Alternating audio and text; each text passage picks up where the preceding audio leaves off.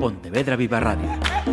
Cara a cara. Damas y caballeros, la Asociación de Directores de Informativos de Radio y Televisión da la bienvenida a Alice Kellen.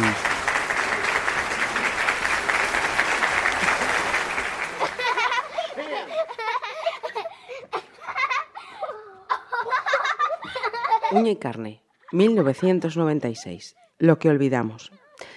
Según la paradoja del cumpleaños, en un grupo de 23 personas hay una probabilidad de más del 50% de que al menos dos de ellas cumplan años el mismo día. En un conjunto de 60 personas, la probabilidad es casi del 100%. La gracia de esta verdad matemática es que contradice la intuición común porque la gente tiende a pensar que es mucho más difícil coincidir. Pero ahí estaban ellos, Nicky llevaba en la cabeza una corona de eucalipto y flores silvestres que su madre le había hecho para la ocasión, y River aguardaba con impaciencia mientras la abuela Mila encendía las velas. Los dos cumplían siete años. Se inclinaron a la vez, sonrieron mirándose de reojo y pidieron un deseo antes de soplar. Nicky y River, River y Nicky, tan inseparables que aterrizaron en el mundo con tan solo 47 minutos de diferencia, y si a eso le sumamos que eran vecinos, podría decirse que no fue una sorpresa para nadie que se convirtiesen en uña y carne cuando aún usaban pañales. Si esto fuese un cuento, empezaría así. Érase una vez dos familias que encajaron sin esfuerzo como dos rebanadas de un sándwich de huevo.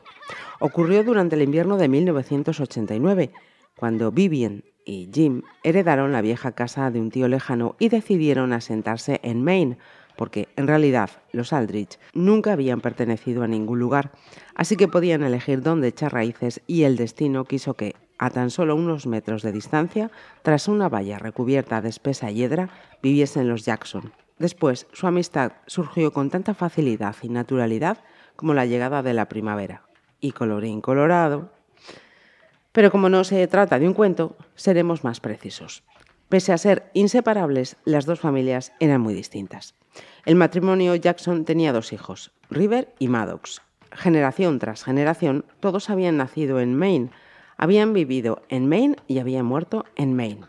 Poseían un vínculo especial con el mar y pese a la inestabilidad de la zona, podían predecir el tiempo echándole un vistazo rápido al cielo. El padre, Sebastian, se dedicaba a la pesca de la langosta, tal como había hecho su propio padre, su abuelo y su bisabuelo. La madre, Isabel, regentaba un acogedor restaurante el anzuelo azul, que tenía clientela durante todo el año y alcanzaba su esplendor en verano, durante la temporada turística. Las personalidades de sus hijos parecían adaptarse a los cánones establecidos. Maddox, que era un año mayor que su hermano, era responsable y sereno, pero también un poco taciturno y reservado. Era observador como un halcón y le irritaban los halagos. Por el contrario, a River le gustaba gustar. Era impulsivo y nunca pensaba en las consecuencias embaucador cuando tenía en mente un propósito y tan activo que no podía mantenerse quieto ni cinco minutos. Le empezaba a picar el cuerpo o se mordía las uñas. A la gente del pueblo le llamaba la atención que se pareciesen tanto físicamente y tampoco en todo lo demás, porque era innegable que habían heredado el cabello oscuro del padre y los ojos azules de la familia materna. Pero ahí terminaban sus semejanzas. En la casa de los Jackson reinaba el orden. Sebastián era metódico y pragmático, mientras que Isabel se esmeraba por colocar cada cosa en su lugar y no soportaba ver hilitos sueltos en la ropa o que las motas de polvo se asentasen sobre los muebles. Y tenía relojes por todas partes, en la cocina, en el salón y en las muñecas. En cambio, los Aldrich vivían en las nubes y más allá. Vestían ropa colorida, tenían pocas normas y eran muy creativos absurdamente creativos. Lo mismo les daba por pintar macetas con diseños étnicos que por hacer velas aromáticas o tejer bufandas.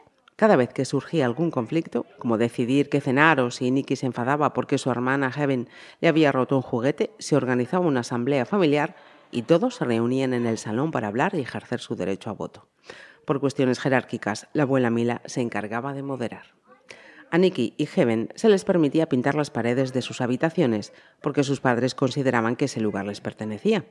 No tenían un horario fijo para irse a la cama. Les dejaban meter los dedos en el bote de la mermelada y elegían su propia ropa, algo que resultaba de lo más pintoresco, porque mezclaban colores y texturas sin orden ni concierto. Sin embargo, esa libertad no era ilimitada, y para ver la televisión tenían que conseguir puntos haciendo tareas del hogar que luego canjeaban por valiosos minutos delante de la pantalla. Cuando las dos familias se juntaban, cosa que ocurría casi a diario, era como mirar a través de un caleidoscopio. Al principio resultaba caótico, pero pronto todo adquiría nitidez y los tres espejos enfrentados que formaban un prisma triangular daban lugar a una explosión de colores y formas que sobrecogían por su belleza. ¿Habéis pedido un deseo? preguntó Vivien. Creo que River ha soplado antes las velas. No es verdad, Nicky, protestó el aludido. Venga, no discutáis en vuestro cumpleaños. Se comieron su ración de pastel antes de salir al jardín.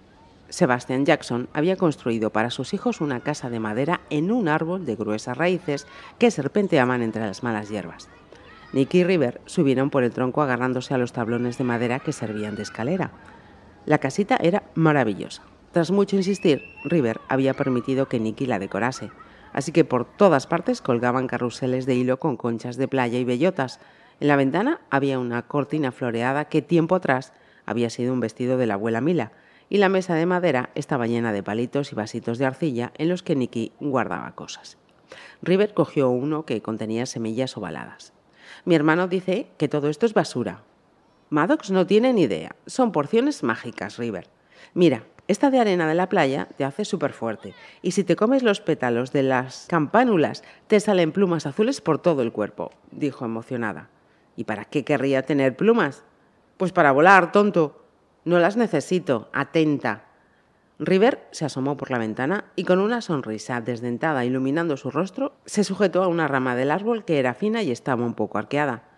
No deberías hacer eso. Si tu madre te ve... Va, ya tenemos siete años. Es nuestro día. Y sabes una cosa, Nicky. Cogió impulso y se balanceó como un mono. Deberíamos hacer algo prohibido en cada cumpleaños. Se me ocurren un montón de cosas. River, ten cuidado, podrías caerte. Él puso los ojos en blanco y fanfarroneó. Si hasta puedo solo con una mano. Uy, mira qué gusano tan bonito. ¿Gusano? ¿Qué? ¿Dónde? Un segundo después, River perdió el equilibrio. Las hojas del árbol parecieron agitarse con cierta alegría taimada mientras él se precipitaba al vacío. Hubo un golpe seco. ¡Pum! Luego un silencio profundo. Nicky se asomó con el corazón en la garganta. Mamá, papá, River se ha matado. Años más tarde, al recordar aquel momento, él siempre se burlaría de la frase de ella diciendo, Qué exagerada, solo me rompí la pierna derecha y la muñeca y el dedo índice y me fisuré una costilla. ¿A quién no le ha ocurrido alguna vez?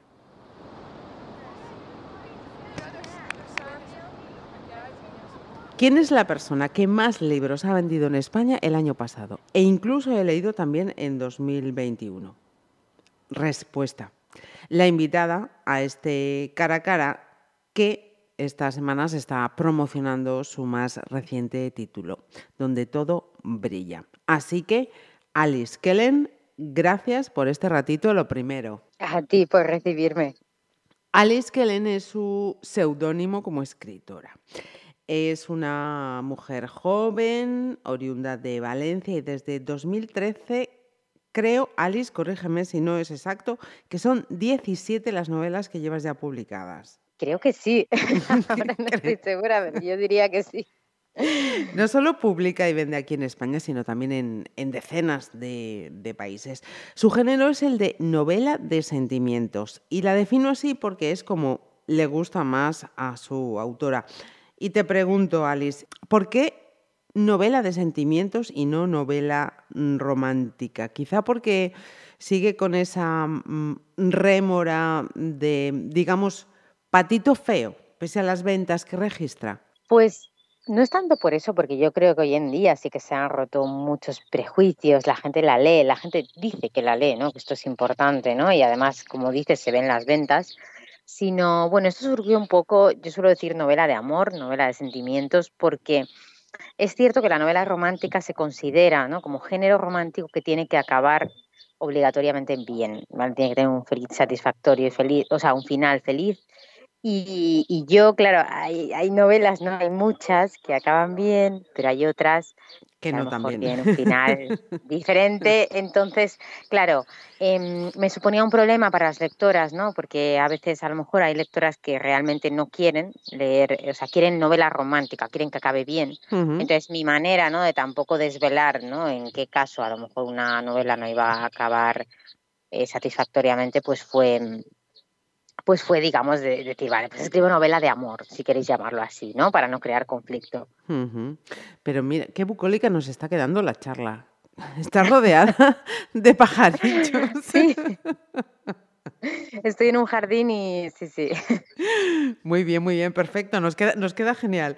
Había una cosa en relación a esto que, te estaba preguntando y es que en esta industria editorial hay mujeres que vendéis lo más, pero luego se miran los premios y, y son otras y otros autoras, autores y géneros las que se los llevan. ¿Qué es lo que pasa? Bueno, yo creo que sí que es verdad que hay géneros, ¿no? Que, que no están tan asociados, ¿no? Al tema de los premios, ¿no? A lo mejor se busca novela, bueno, más literaria, ¿no? Más intimista, más... No lo sé, eh, al final eh, son cosas que, que digamos que se escapan, ¿no? Un poco de, de, las manos de los autores y, y bueno, Mm, pero quién sabe, ¿no? Si algún día a lo mejor eh, cambiará.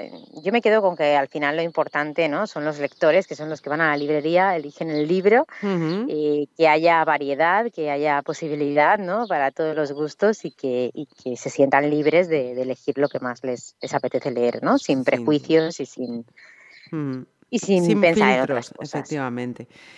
Mm, decíamos al comienzo, em, unos 17 títulos. Em, de 2013 a 2023, que es un ritmo de escritura muy intenso. ¿Esto es así mm, por, porque tú te lo exiges, em, porque te fluye, porque te lo pide la, editorial que empezaste autoeditando, todo hay que decirlo también. O sea, que al principio también ese ritmo te lo marcabas tú. Claro, yo creo que era al revés. O sea, realmente desde 2011 tenía novelas escritas eh, y cuando me autoeditaba, eh, claro, estaba en casa, no tenía que hacer promo, no tenía que hacer nada, ¿no?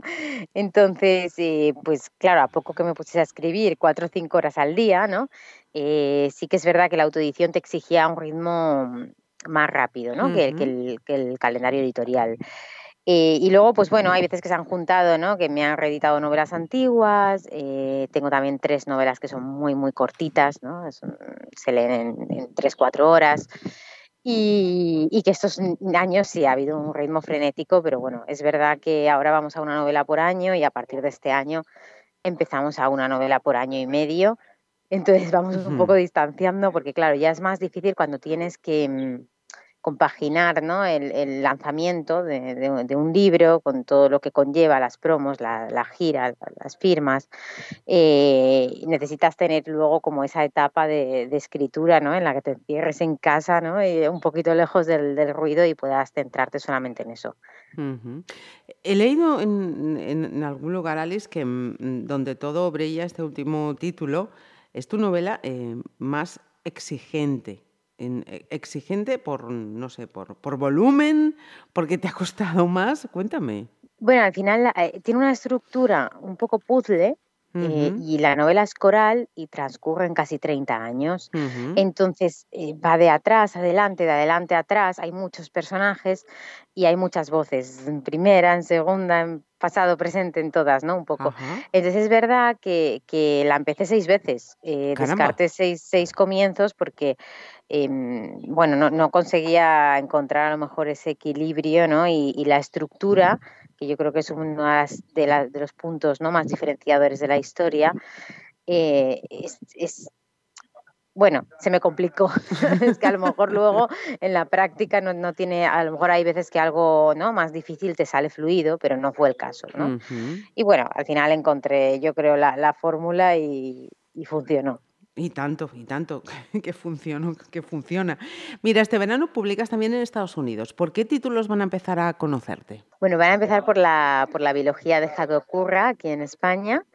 Y sí, salimos en agosto en Estados Unidos y bueno, a ver un poco la expectativa. Es un, es un mercado muy complicado, ¿no? Pero yo digo, es como lanzar un dado y a ver qué pasa. Ah, hace unas semanas un autor que también tiene entre los jóvenes, eh, el grueso de su público me decía que, no es cierto que los jóvenes no lean, que lo que pasa es que leen lo que les gusta. Quería preguntarte si compartes esa afirmación. claro, totalmente. O sea, al final es no leen qué. Quiero decir, yo comprendo que, tú, ¿no? Eh, a nivel escolar, ¿no? Eh, tienes que muchas veces, ¿no? Como leer ¿no? ciertas cosas y conocer a ciertos autores, obviamente, ¿no? Eh, y es importante, pero cuando tú acabas, ¿no? Te vas del instituto y sales, llegas a tu casa, ¿no? De la universidad, es tu tiempo libre, ¿no? Y entonces ya, igual que eliges qué serie quieres ver, eliges qué, qué libro quieres leer, ¿no? Y según la etapa en la que estés en cada, en cada momento de tu vida, pues te gustan unas cosas u otras, ¿no? Y yo es que creo que, que, en ocasiones es un error, ¿no? A veces meter con calzador cosas en las que no es el momento, no es el momento. Yo me acuerdo que, que, creo que fue mi padre, ¿no? Que intentó, bueno, que a mí, a mí me daba, ¿no? Con 13 años para leer a Charles Dickens y, y El Quijote, ¿no? Y yo pensaba, pero es que esto o sea, era como, era como un suplicio, ¿no? Un poco, ¿no? Eh, eh, porque claro, tampoco tienes, ¿no? A lo mejor la, la capacidad en ese momento.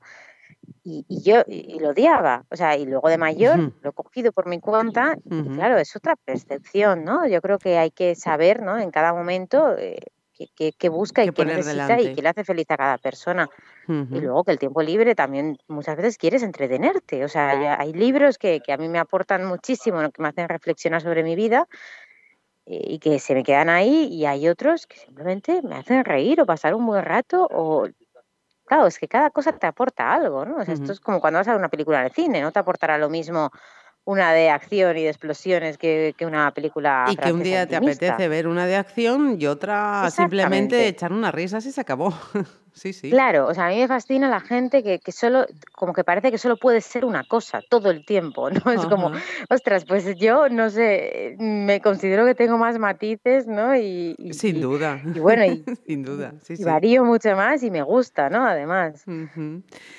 Otra cosa, eh, ha sido tremendo a la, que hemos, se ha podido ver en, la Feria del Libro de, Valencia. La cantidad de personas que estaban haciendo espera, estaban haciendo fila para tener una dedicatoria y una firma tuya. ¿Cuál es el, retorno que recibes cuando tienes esa proximidad con el público lector, en ese tú a tú? Vamos a dejar las redes sociales a otro lado. Pues mira, es, es muy emocionante, te sientes muy agradecido también es verdad que la parte mala, a lo mejor, de tener a tanta gente, que esto suena terrible, ¿no? Pero quizá la, parte menos positiva es que no puedes hablar ¿no? Con, con, las lectoras todo lo que te gustaría, ¿no? No puedes a lo mejor detenerte y estar con una lectora pues charlando cuatro minutos, ¿no? Porque, porque es imposible, claro, porque si con cada lectora charlas es simplemente un minuto. Necesitas la feria para ti. Claro, ¿no? De madrugada seguirías, ¿no? A las cuatro de la mañana seguirías ahí. Entonces, es un poco complicado a veces encontrar el equilibrio, ¿no? Entre que tampoco sea algo frío, porque tú quieres en ese momento conectar, ¿no? Al final, ¿no? Es el momento de encuentro entre, entre, entre, los autores, las autoras y, las sectoras, ¿no? Y, y, bueno, tienes que, ver ¿no? cómo, cómo gestionar eso. Tiempo es lo que le gustaría tener también a Alice para poder charlar con, cada una, con cada uno de sus lectores, eh, que, como digo, eh, la sitúan como autora más vendida en el 22 y creo que también en el 21 en este país, que, no es cosa sencilla ni fácil. Así que, Alice, muchísimas gracias por tu tiempo y mucha suerte también a partir de, de agosto. Muchas gracias. A ti, un placer, encantada. Gracias. Pontevedra Viva Radio. ¿Me permiten que les haga un comentario como espectadores del programa Cara a Cara? Según un reciente sondeo de mercado, Ustedes disponen de estudios e inteligencias superiores a la media. Sus intereses abarcan desde la actualidad mundial y la ciencia hasta el deporte y los espectáculos.